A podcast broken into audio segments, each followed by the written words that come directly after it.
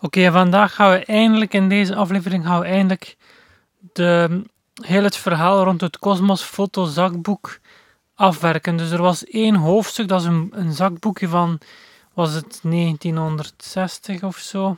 1959, eerste druk en tweede druk in 1960. Dus een uh, fotografieboekje wat ik van mijn vader gekregen heeft, wat hij dan weer van zijn vader gekregen heeft. Dus komt eigenlijk van mijn opa. Mijn opa was uh, fotograaf in het dorp. Had echt een winkel, fotografiewinkel. En um, ja, eigenlijk gewoon de, de fotozaak in het dorp, in Hoogleden, voor de mensen die dat kennen. Dus een, uh, een vrij gedateerd boekje, maar veel van de dingen, de, de basiskennis fotografie bijvoorbeeld, over hoe hij tot een belichting komt, die is niet gewijzigd. Dus veel dingen zijn nog relevant. En we zitten dus eindelijk aan het laatste hoofdstuk. Elk hoofdstuk begint eigenlijk met een foto. Dit keer is dat een foto, een landschapsfoto van een, uh, een kaal boompje op de voorgrond. En op de achtergrond een, is het ofwel een uh, overlopende gracht of gewoon een grote beek. Met uh, knotwilgen die er langs staan, die een mooie lijn in de verte vormen. Dus eigenlijk een mooi voorbeeld van een voorgrond die interessant is. En een achtergrond die even goed interessant is. Foto gemaakt met de Leica M3 de, met Biogon 21 mm veronderstel ik lens en Isopan FF, dat zal de film zijn, Neofin, geen idee wat dat, waar dat, over gaat. Foto gemaakt door W.C. van Dijk. W.C. van Dijk is volgens mij de schrijver van dit boekje, of ik zie toch in elk geval die naam heel vaak terugkomen. Ik ga even snel spieken. Het voorwoord is in elk geval geschreven door W.C. van Dijk, dus ik veronderstel dat heel het boekje uh, gemaakt is, of geschreven is beter door W.C. van Dijk. Ja, samengesteld door W.C. van Dijk. En het hoofdstuk, dus het laatste hoofdstuk waar we nu doorheen gaan, heeft de titel gekregen Donkere Kamertechniek. En dan de subtitel Ontwikkelen, afdrukken en vergroten. Nu ben ik even... Ja, ontwikkelen snap ik, dat zal de, het ontwikkelen van film zijn. Analoge film. Afdrukken ik heb een klein beetje moeite met het verschil tussen afdrukken en, en vergroten. Want een foto vergroten, daarmee ga je eigenlijk een, negatief of een positief ja, in je vergroter. Dat is eigenlijk gewoon een lamp met een lens op. Of, of, of een lens met een, uh, een, een, lamp erachter. Wat dan projecteert op een, op een groot tafelblad waar je dan je fotopapier kunt leggen om zo uw negatief te gaan vergroten om dus een foto te maken, een vergroting te maken van uw negatief. Maar dat zou dan eigenlijk het afdrukproces zijn. Dus ik ben niet helemaal... Ah ja, ofwel bedoelen ze met afdrukken het maken van een negatief blad. Dus waarbij dat je een afdruk maakt van op een fotoblad van uw negatieven, dus van die proofing. Dus dat je echt gewoon een foto krijgt, de grootte van een negatief. Dat wordt gebruikt om dan heel gemakkelijk te kunnen zien, vooral als je negatieven filmt, dan krijg je een, positief van u, een positieve afdruk van uw uh, film. Dus dan kun je heel gemakkelijk van al je foto's kijken welke dat je interessant vindt en dan aanduiden. En zo een, foto, een film heeft typisch in de, in de rand waar de transport zit voor, um, voor de negatieve, voor de camera's, om dat, om dat filmpje door te spoelen. Daar zit meestal ook een aanduiding van welk frame uh, een aantal frame-nummers of dergelijke. Dus dan kunnen zo gemakkelijk aanduiden welke frames dat je wilt uh, vergroten. Dus ik veronderstel dat ontwikkelen, het ontwikkelen van film is afdrukken, het maken van een proofing of een, ja, een, uh, een negatief afdruk. Dus, en dan vergroten is dan het maken van een vergroting van uw geselecteerde negatief. Ik vermoed dat dat... maar we zullen het zien als we doorheen het hoofdstuk gaan. Het ontwikkelen van films. Tijdens het ontwikkelen van een film wordt het broomzilver gereduceerd tot metaalzilver, in meerdere mate naarmate meer licht op die plaats gevallen is. Het ontstane negatieve beeld heeft een structuur die korrel genoemd wordt en die in zijn samenstelling afhankelijk is van de filmeigenschappen, de ontwikkelaar en de ontwikkelduur.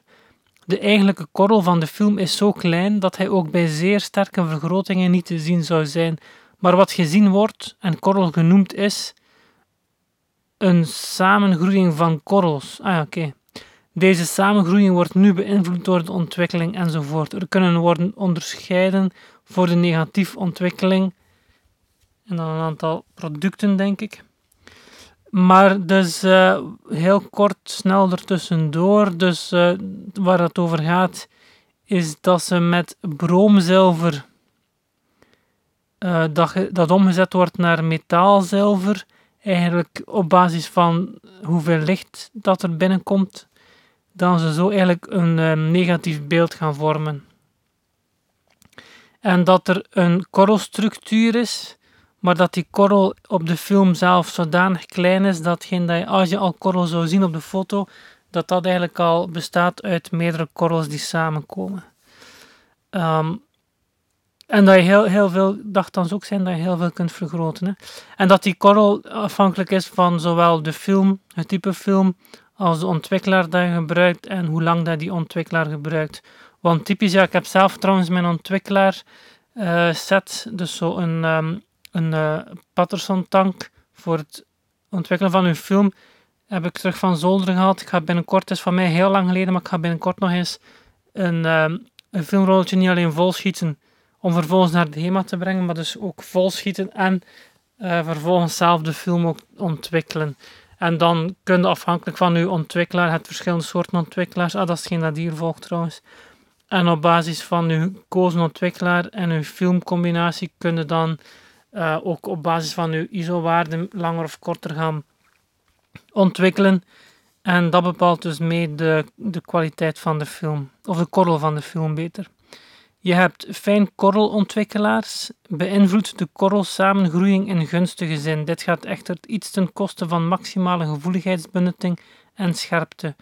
Moet meestal belicht worden volgens de tegenwoordige gangbare eiking van de belichtingsmeter de fijnkorrelontwikkelaars hebben onderling tamelijk grote verschillen in zaken gevoeligheidsbenutting en scherptebeïnvloeding. Voor de hooggevoelige films is een fijnkorrelontwikkelaar noodzakelijk. Dus ze zeggen eigenlijk dat je door een fijnkorrelontwikkelaar te gebruiken een fijnere korrel krijgt als resultaat, maar het nadeel is wel dat die ontwikkelaars minder um, het uiterste uit de film kunnen halen. Maar ze ronden wel af met hooggevoelige films, dat je daar zeker fijn korrelontwikkelaar moet voor gebruiken. Maar dat is denk ik dat weer omdat die films van nature een uh, grotere korrel hebben. Dus dat je het dan door die fijn korrelontwikkelaar kunt gaan um, ja, optimaliseren, eigenlijk een beetje tegenwerken. Nivellerende ontwikkelaars. Ja, ze noemen ook verschillende voorbeelden van merken, maar ik ga die daar niet bij plaatsen, die merken, want die, veel van die merken zijn al niet meer verkrijgbaar trouwens, denk ik. Dit zijn dus nivellerende ontwikkelaars. Dit zijn ontwikkelaars die wel niet zo fijnkorrelig werken als de vorige, maar op de korrelstructuur toch een gunstige werking hebben. Bovendien werken ze sterk nivellerend, waardoor, de goede waardoor goede resultaten ontstaan, ook bij de meest uiteenlopende motieven op één film, en hebben een goede contrastoverbrugging.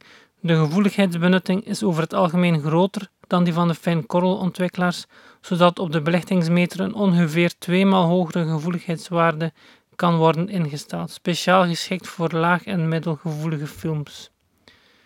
Ja, dus de nivellerende ontwikkelaar heeft ook een positief effect op de, op de korrel, maar kan daarnaast ook nog het uiterste uit de film halen, waardoor je eigenlijk een klein beetje kunt zeuren in je belichting ook. De snel werkende ontwikkelaars. Unieke eigenschap dat door de meerdere of mindere mate van verdunning de karakteristiek gewijzigd kan worden. Een grote verdunning, bijvoorbeeld 1 vijftigste, sterk nivellerend met behoud van vrije briljante gradatie, daarbij maximale scherpte, door de sterke verdunning zo blijk dat voor iedere film nieuwe ontwikkelaar genomen kan worden, wat constante resultaten in de hand werkt. Gevoeligheidsbenutting ongeveer als van vorige groep dus in de meeste gevallen kan dubbele gevoeligheid worden aangenomen, speciaal geschikt voor films van lage en middelgevoeligheid. Ja, ze halen hier ook aan dat je deze, dit type ontwikkelaar best niet hergebruikt. Volgens dat ik het mij herinner, hergebruikten wij in onze studie de filmontwikkelaar op zich nooit, maar de stop en de fix konden we wel meerdere keren gebruiken. Of hergebruiken dus. Speciale sterk verdunde ontwikkelaars voor eenmalig gebruik, constante resultaten, zeer sterk nivellerend vermogen en maximale scherpte, grootst mogelijke contrastoverbrugging, speciaal geschikt voor films uit de laagste gevoeligheidsklasse, die dan echter belicht kunnen worden als een film uit de middelklasse. Ontwikkeling moet geschieden in de zogenaamde kiepdozen, omdat alleen draaien, zoals in de gebruikelijke ontwikkeldozen. Dus ik heb zo'n Patterson ontwikkeldoos dat je inderdaad moet kantelen en draaien. Is een soort tonneken eigenlijk. Ehm, maar, in de, maar voor dit type uh, ontwikkelaar heb je dus een speciaal soort kiepdoos nodig. Ah nee, maar volgens mij is een kiepdoos wat ik heb een tonneke dat je dus ook ondersteboven kunt houden om zo de luchtbelletjes eruit te laten. En hetgeen dat je niet mag gebruiken zijn dozen die alleen kunnen ronddraaien. En dan heb je er zo dat je met een hendeltje kunt ronddraaien. Maar dat is niet geschikt voor dit type filmontwikkelaar. Omdat je dan onherroepelijk onregelmatig gedekte negatieven krijgt. Een ander type is gevoeligheidsbenutting en belichting. Alleen, ah, hier, hier spreken ze nu weer in een subtitel. Niet meer over type ontwikkelaars, maar over gevoeligheidsbenutting en belichting. De gevoeligheidsbenutting is bij diverse ontwikkelaars, ook in dezelfde groep, scherpe scheiding is niet te trekken, heel verschillend, zodat daarvoor geen vaste cijfers te geven zijn. Het grote belang ingespeeld te raken op een vaste combinatie van film en ontwikkelaar komt hier weer dringend naar voren. Want alleen door het maken van een belichtingsproefserie onder de meest verschillende omstandigheden kan worden vastgesteld hoe bij gebruik van deze combinatie de belichtingsmeter moet worden ingesteld. Daarbij moet ook de zekerheid aanwezig zijn dat de ontwikkelaar altijd precies gelijk werkt. Bij het systeem van eenmalig gebruik is aan deze voorwaarde op ideale wijze voldaan, aangenomen natuurlijk dat de streng eh, hand gehouden wordt aan constante tijd en temperatuur. Wat ze hier vertellen is inderdaad, eigenlijk op de academie, als we onze, moesten we onze film zelf ontwikkelen. In mijn tijd was dat allemaal nog analoog, ik weet eigenlijk niet goed. Nee, nee, digitaal begon al op te komen. Volgens mij hadden ze het, ja, naar de laatste jaren toe was er ook al digitaal. Vooral de digitale bewerking op de computer was er al. Maar ze gingen nog vaker uit van film die dan ingescand werd en zo, om zo dan de foto te bewerken. De digitale fotocamera's zelf hadden eigenlijk nog niet genoeg uh, resolutie, de sensors daarvan. Maar wij kregen eigenlijk uh, op papier, we moesten dat type film gebruiken, dat type ontwikkelaar, zo lang, zoveel keer draaien, die volgorde. Dus we kregen echt een recept voorgeschreven. Ik ga zien, als ik binnenkort weer zelf wat filmpjes ga ontwikkelen, ga ik denk ik starten vanaf, als ik het kan vinden, die gegevens. Dan ben ik zeker dat dat een combinatie is dat goed werkt.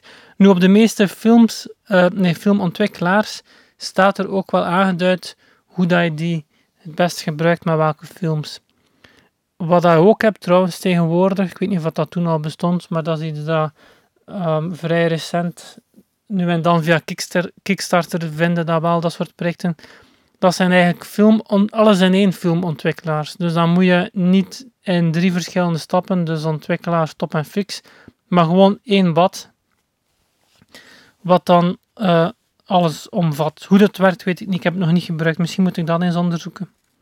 Regenereren. Bij de fijnkorrel en de nivellerende ontwikkelaar ligt deze eis iets moeilijker. Bij de kleine verpakkingen, bijvoorbeeld voor 600 cc of 1 liter, wordt aangegeven hoeveel elke volgende film langer ontwikkeld moet worden dan de vorige.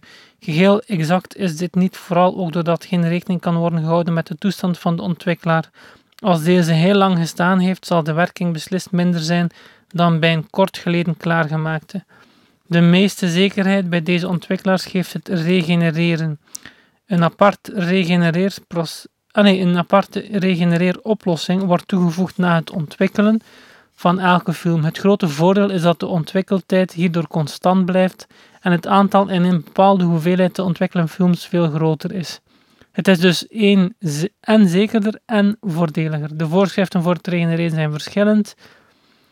Bij Kodak Microdol bijvoorbeeld wordt na het ontwikkelen voor elke film 28cc oplossing zogenaamde replenisher aan de voorraadsoplossing toegevoegd. Dit is letterlijk volledig nieuw voor mij. Ik wist niet dat dat mogelijk was. Ik ben nog altijd niet 100% zeker, maar ik dacht dat wij de filmontwikkelaar niet hergebruikten. Maar kan fout zijn. Kan het mij fout herinneren dat we de filmontwikkelaar wel een paar keer hergebruikten, maar dan zal dat ook wel aangegeven zijn van de docenten uit dat we onze filmontwikkelaar maar x aantal keer mogen hergebruiken. Wat dan ze hier zeggen is dat je eigenlijk als je ze hergebruikt, uw filmontwikkelaar, dat je eigenlijk bij de volgende film dat je ontwikkelt, moet je rekening houden met het aantal keer dat je de film of de ontwikkelaar beter hergebruikt. en dus net, net iets langer moet laten ontwikkelen.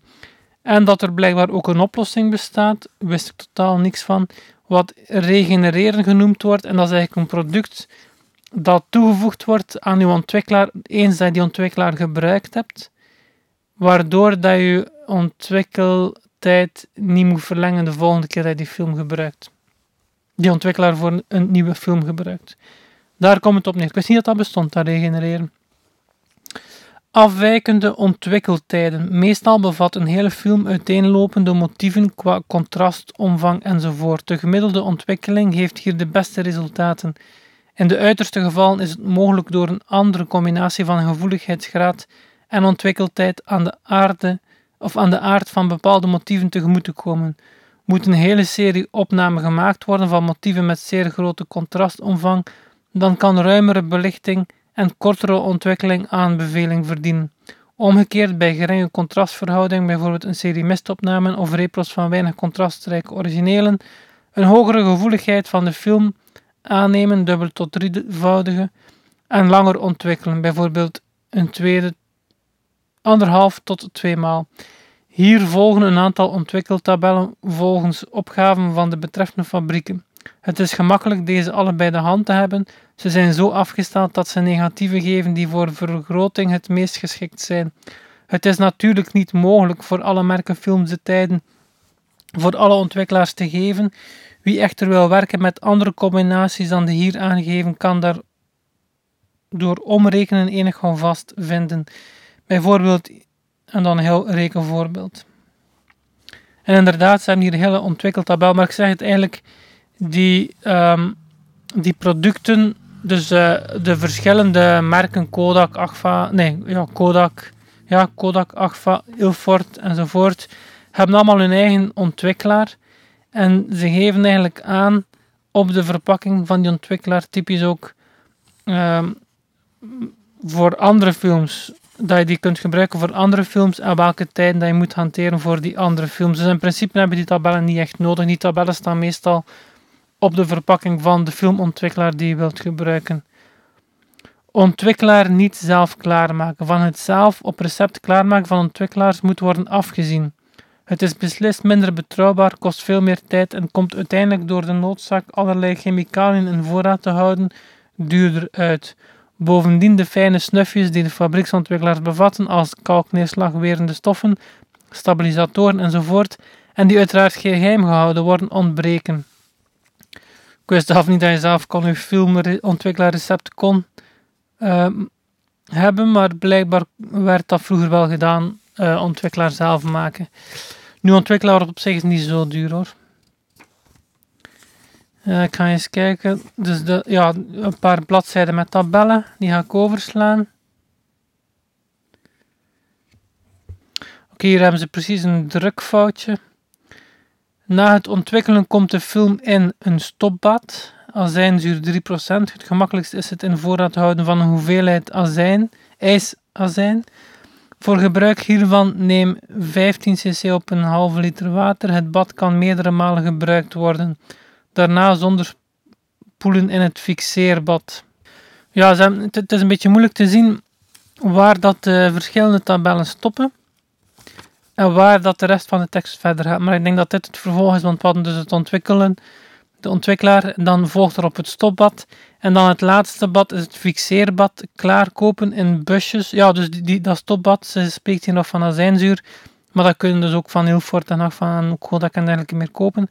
Fixeerbad, klaarkopen in busjes of zelf maken, 1 liter water, 52 gram hypo en 25 gram kaliummetabisulfiet. Dus waar dat blijkbaar wel hangbaar is om stop en fix zelf te maken, is dat niet zozeer het geval bij de ontwikkelaar. Voor gebruik, gaan over fixeerbad hier, voor gebruik goed filteren, kan meerdere malen gebruikt worden voor kleinbeeldfilms, is een hardend fixeerbad gewenst. Zelf klaarmaken is vrij omslachtig, is klaar in busjes in de handel.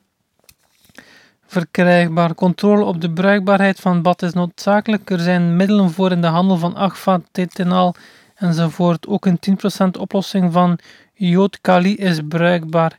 Geef toevoeging van enige druppels een neerslag in een kleinere hoeveelheid. Fixeer bijvoorbeeld in een reageerbuisje. Dan is het bad verder onbruikbaar. Vervolgens, dus ze zijn eigenlijk het hele ontwikkelproces aan het bespreken. Spoelen. Indien het leidingwater ter plaatse tamelijk verontreinigd is door kleine harde deeltjes, gebruik van een waterfilter aan te raden. Deze zijn al van heel belijk af te verkrijgen, onder andere in de vorm van een soort puinstenen ei dat op de kraan geschoven wordt. Is het na meerdere malen gebruik verstopt, dan kan het best een nieuwe genomen worden. Schoonmaken met zoutzuur helpt maar betrekkelijk.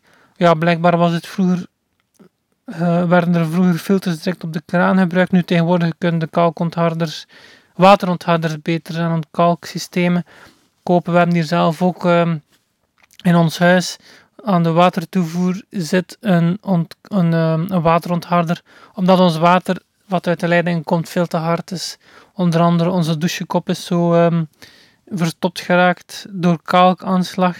En sinds we die waterontharder hebben, hebben we dat probleem niet meer. Maar dus hier, in, ja, als het gaat over fotografie, is dat belangrijk, omdat anders krijg je kalkaanslag op je film. Dus je moet eigenlijk denken, je hebt een polyester drager van je film, ik, je, je filmrolmateriaal.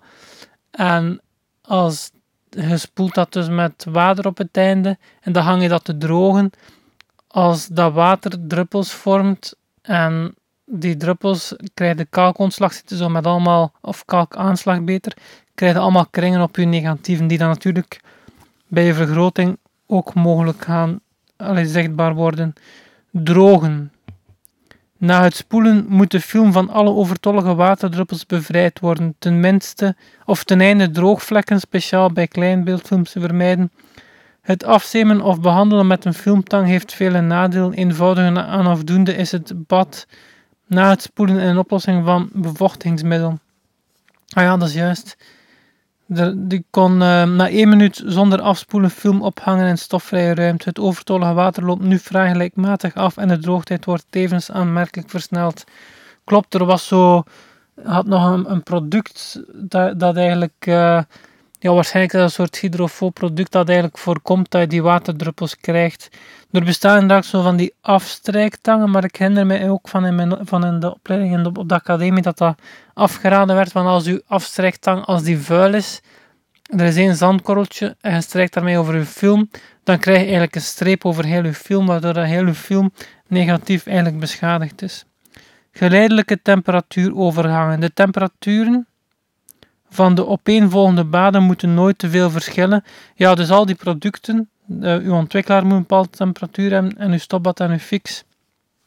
Kun je best uw stopbad en uw fix, daarvan is de temperatuur niet zo belangrijk als van uw ontwikkelaar. Van uw ontwikkelaar wel, omdat dat met een bepaalde temperatuur een bepaalde werking heeft.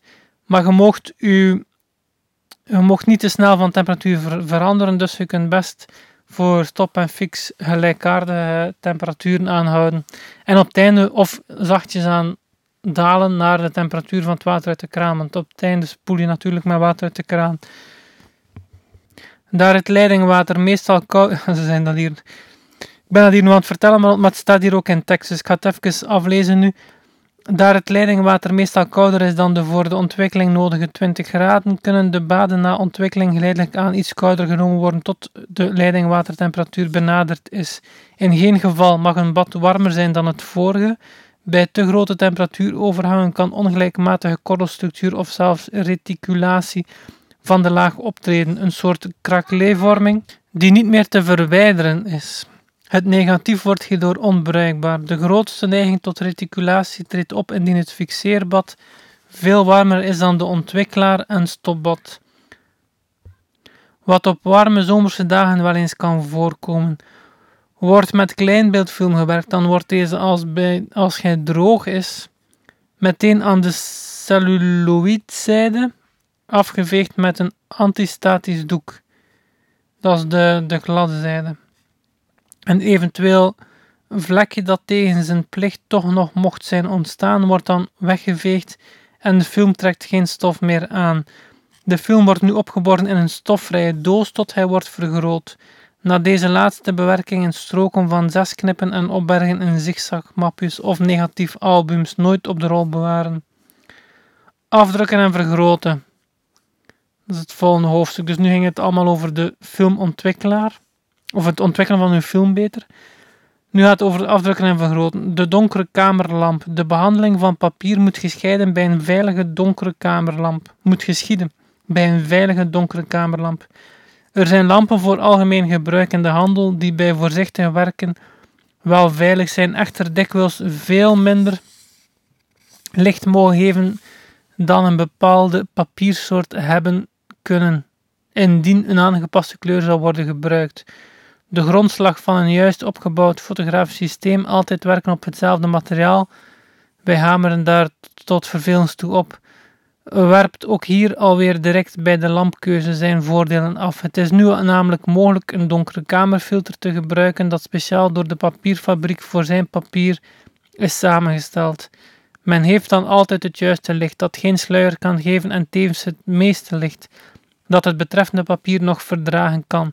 Het is soms verrassend welk een grote hoeveelheid licht een bepaalde papiersoort hebben kan, terwijl andere merken van dezelfde, van dezelfde gevoeligheid er direct bij sluieren.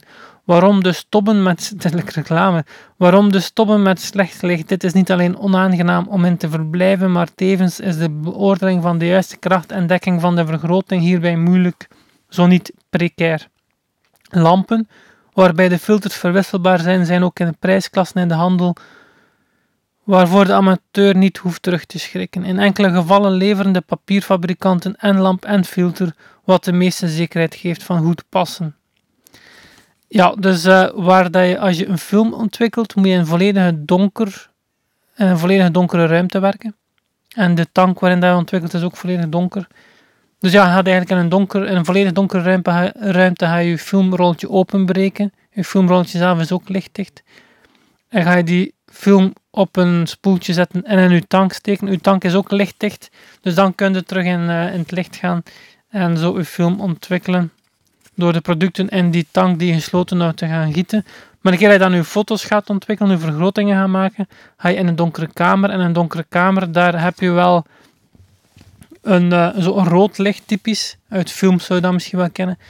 Maar dus wat ze hier zeggen, is dat je um, niet elk rood licht is hetzelfde, maar dat je dus best een, um, bij de fabrikant van het fotopapier dat je gebruikt kunt nagaan welk type licht dat veilig is voor dat fotopapier, dat dat fotopapier niet gesluierd wordt door, door het licht dat je gebruikt. Papiersoorten. De papiersoorten zijn te verdelen in kloorzilverpapieren, gering gevoelig voor contactafdrukken, chlorbroomzilverpapier, middelgevoelig voor vergroten, en broomzilverpapier, bromide, hooggevoelig voor vergroten. Het verschil tussen chloor en broomzilver openbaart zich allereerst in de kleur van het beeld. Bij de eerste is het bij sommige soorten veel warmer dan bij het koudere neutraal of blauw-zwarte bromide. Ook is de gradatie bij chloor en chlorbroomzilver anders dan bij bromide. Namelijk is daarmee naast eenzelfde doortekening als bij de bromide meer te bereiken. Het werken ermee is een tikkeltje moeilijker omdat de schaduwpartijen sneller dichtlopen. Een bezwaar kan dit echter niet vormen, daar deze moeilijkheid al heel gemakkelijk is te overwinnen en geen rol meer speelt zodra men met het papier is ingewerkt en weet wat het doet.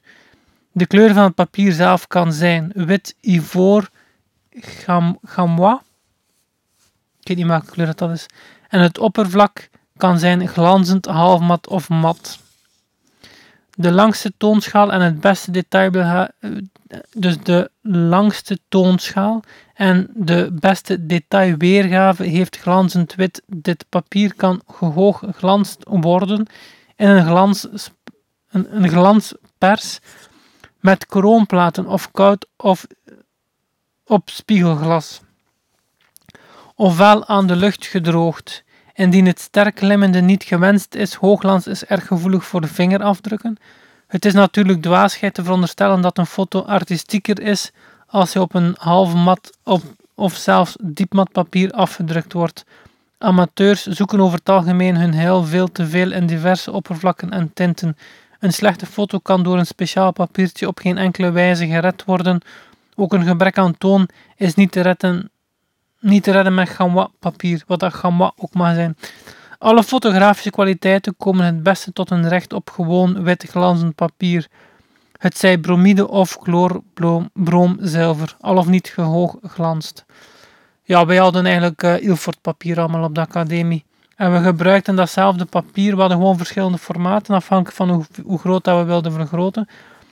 Maar we gebruikten ook datzelfde papier voor onze contactvellen. Ja, dat is de juiste naam voor een, uh, een afdruk van een negatieve contactvellen. Ja, misschien moeten we eens opzoeken wat die gamma juist is. Second. Oké, het beste dat ik online kan vinden is dat gamma papier, dat dat een soort geelachtig papier is. We zullen het daar moeten mee doen. Codering. Het is erg gemakkelijk zich vertrouwd te maken met de codering van de papiersoorten waarmee wordt gewerkt. Engelse en Amerikaanse papieren geven letters voor het oppervlakte en voor de kleur en cijfers voor de gradatie. 1 is zacht, 2 is normaal, 3 is hard, 4 is extra hard. D is double white, dus karton. Voorbeeld Bromesco WFL 2D is Bromesco White Fine Grain Luster normaal karton dik. Duitse papier, een soort door letters en oppervlak entdekte door een getal waarvan het honderdtal kartondik aangeeft, het tiental de kleur en de eenheid het oppervlak. Het, tiental 1 is wit, 2 gamma, 3 is ivoor. De eenheid 1 is glanzend, 2 glad, halfmat, 4 diepmat enzovoort. Een voorbeeld PRN uh, 112 Portrira Rapid normaal karton dik wit glad halve mat. Uh, ja, dit gaat over de codering van de papiersoorten. Uh, ik heb het hier nu gewoon afgelezen. Ik weet niet of wat de dag van vandaag dat dan nog gebruikt wordt. Volgens mij staat er op die dozen van uh, Ilford staat er gewoon op of dat mat of glanzend of half mat is. En de, de, de grootte van het papier is, is typisch uh, A4, A3 en dergelijke meer. Of um, een afmeting in centimeter of millimeters gradatie. De gradatie van het negatief bepaalt de gradatie van het te gebruiken papier. Een krachtig negatief wordt op zacht papier vergroot, een normaal negatief op normaal of speciaal, een zacht negatief op hard of in noodgevallen extra hard. Bij de ontwikkeling van de films is zoveel mogelijk gestreefd naar negatieven die op normaal of speciaal gedrukt kunnen worden. Er kan echter door opnameomstandigheden of door een fout in de ontwikkeling hard of een dun negatief tussendoor lopen. Met één gradatie papier komt men dan ook beslist nooit uit. Oké, en ik zie dat ondertussen de opname al een half uur bezig is. Ik ga hier stoppen. Ik ga het opdelen in twee stukken. Dus we hebben eigenlijk onze film ontwikkeld. En we zijn beginnen met de, of begonnen met de keuze van ons papier. Maar we gaan dan de volgende keer verder gaan met het effectief belichten van dat papier. Een vergroting maken dus van, uh, van uw negatieve. Dus uh, bedankt voor het luisteren en graag tot de volgende waarbij dat we hopelijk, ik weet niet of wat de eerste volgende aflevering zal zijn hoor, maar uh, we gaan dan hopelijk snel eindelijk dit boekje kunnen afronden. Daar komt het eigenlijk op neer. We zijn er echt bijna nu. Nog een half hoofdstuk en dan kunnen we dit boekje terug opbergen.